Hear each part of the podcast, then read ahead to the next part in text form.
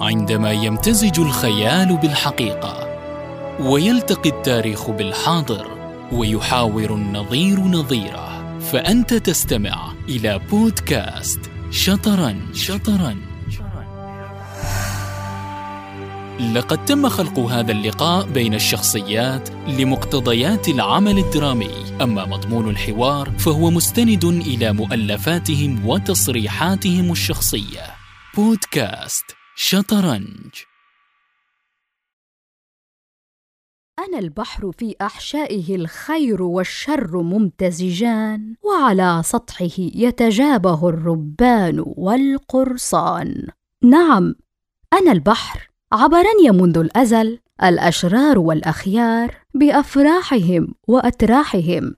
عبثت بهم أمواجي فمنهم من وصل مرفأه ومنهم من تلقته أعماقي. مر فوق صفحتي الرحالة والتجار والمكتشفون لكني لم أبح بأسراري إلا للقليل منهم.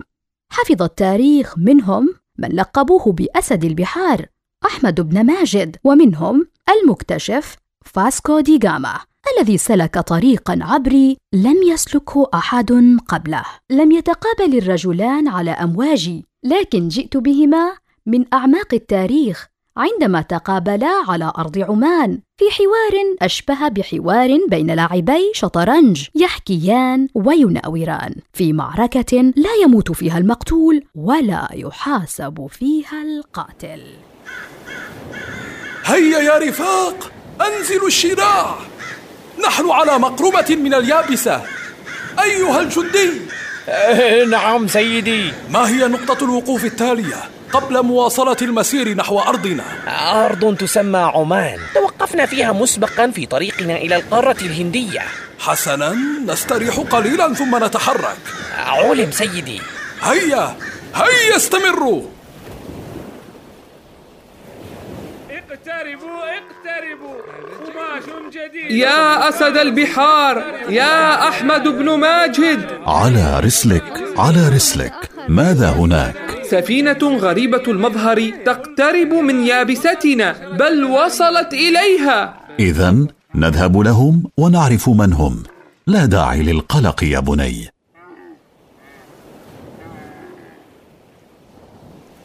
من أنتم وما الذي جاء بكم إلى أرضنا؟ نحن بحارة من البرتغال. نقف هنا نستريح قليلا لنعود بعدها إلى أرضنا. ماذا هناك أيها الجندي؟ آه، لا لا لا لا شيء سيدي لا شيء. آه، يتساءلون عن سبب مجيئنا. من يكون هذا الرجل؟ إنه البحار المستكشف باسكو دي جاما قائد هذه السفينة.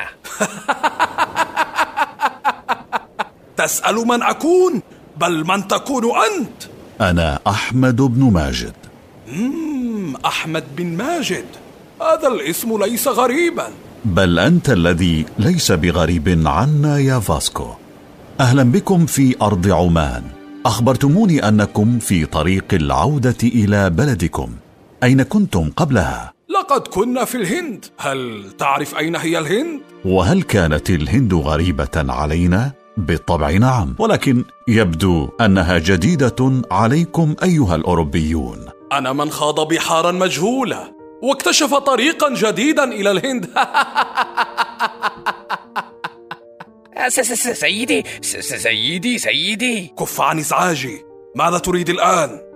تقول بأن اسمه ليس غريبا عليك. الآن تذكرت. أحمد بن ماجد اسم موجود في سجلاتنا التاريخية. هو من يدعونا أنه ساعدك في الوصول إلى الهند. نعم الاسم ذاته. ماذا قلتم؟ في كتبنا يقول المؤرخون أنك ساعدتني في الوصول إلى الهند. لم أفعل وما كنت لأساعد المستعمرين. ولكنهم يقولون ذلك. ليس هذا وحسب.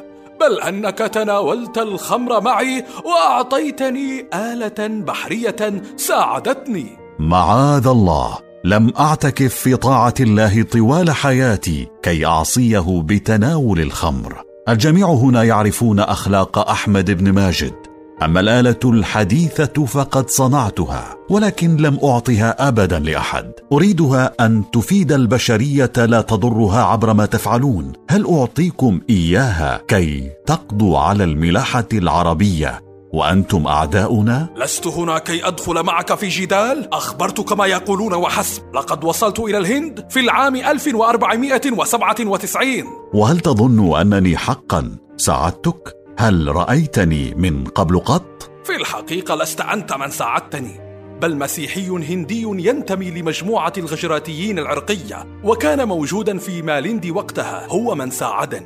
ليتك تخبر مؤرخي بلدك بالكف عن زج اسمي في قصصهم. ليس لي علاقة بذلك. أخبرني هل كانت تلك الآلة التي اخترعتها هي البوصلة؟ لا ليس صحيحا فقد اخترعها علماء صينيون وطورتها أنا بأن وضعتها في صندوق وطورت أيضا لوحة خشبية تسمى آلة الكمال التي كانت تستخدم في تحديد دوائر العرض بناء على مدى ارتفاع النجم القطبي في الأفق. يبدو أنه كان لديك الكثير من الوقت حتى تقوم بكل ذلك. لقد قمت بما هو أكثر، فقد أسهمت في إرساء قواعد الملاحة للعالم، وبقيت آرائي وأفكاري في مجال الملاحة سائدة في كل من البحر الأحمر والخليج العربي وبحر الصين طيلة خمسة قرون.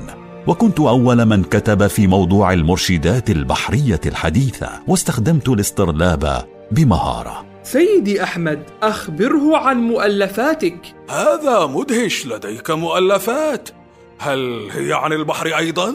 حسنا كتبت عن الدين والجغرافيا والتاريخ والأدب والأنساب. ونظمت أيضا الشعر العلمي الملاحي وكتبت فيه نثرا. فعدد أراجيزي وقصائدي وصل إلى أربع وثلاثين قصيدة. ضمت أكثر من أربعة آلاف وستمائة بيت شعر. ومن كتبي مختصر كتاب الفوائد في أصول علم البحر والقواعد وكتاب الفصول وكتاب الملل. هذا حقا رائع. الفوائد في أصول علم البحر والقواعد. هذا عنوان أم قصة حياتي؟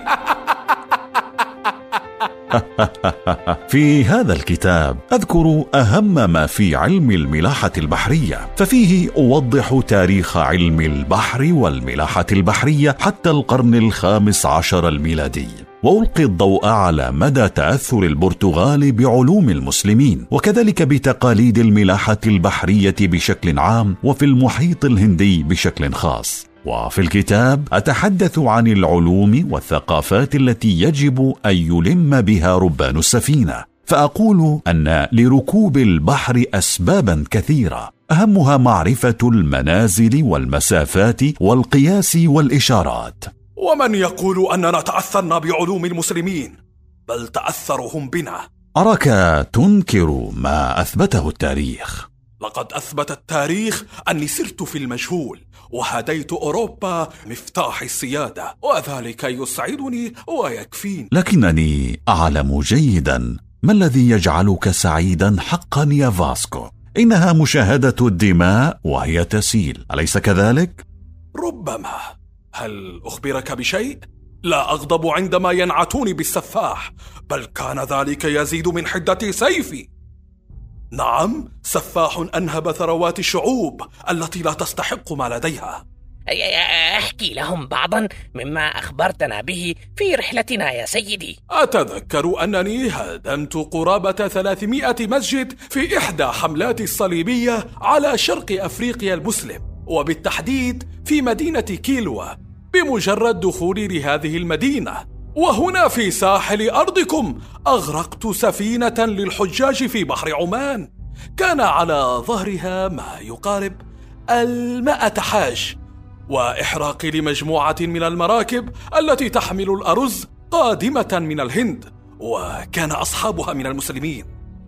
سيدي يجب أن تخبرهم بقصة سفينة حجاج مكة. آه كان يوما دمويا رائعا حقا. انتظرت ذات مرة سفينة كانت عائدة بالحجاج من مكة وقمت بسلب جميع بضائعها ثم قمت بحشر جميع الركاب والبالغ عددهم 380 في السفينة وأضرمت بها النار استغرقت السفينة أربعة أيام لتغرق في البحر مما أدى إلى مقتل جميع من فيها من رجال ونساء وأطفال. وما زلت تجلس وعلى بساطي ويحك أيها السفاح.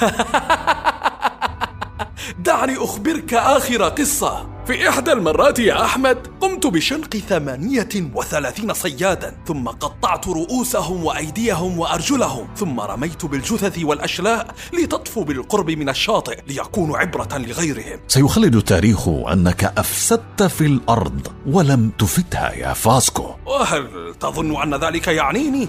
لو كنت أقوى على تكرار ذلك لفعلت. لقد كان المسلمون يحتكرون التجارة فكان لابد من إيقافهم وتمكنت من ذلك منذ أن اكتشفت طريق الرجاء الصالح. سيدي سيدي سفننا مستعدة للمغادرة. هيا بنا! قبل أن أفعل بهم شيئا لا يسرهم. إلى اللقاء يا أحمد. هل تظن ما يقوله فاسكو صحيحا يا سيدي أحمد؟ إن كان صحيحا تواسفاه على بشريتنا. اتبعهم وتأكد أنهم رحلوا وعد لي بالنبأ الأكيد. حسنا حسنا. كنتم مع بودكاست شطرنج. سنكون على موعد مع مباراة جديدة.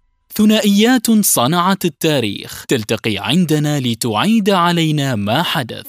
لا تبتعد كثيرا فالشطرنج سيكون هنا بعد أسبوع من اليوم. لمتابعة حلقاتنا تابعونا على صفحاتنا في منصات التواصل الاجتماعي. بودكاست شطرنج.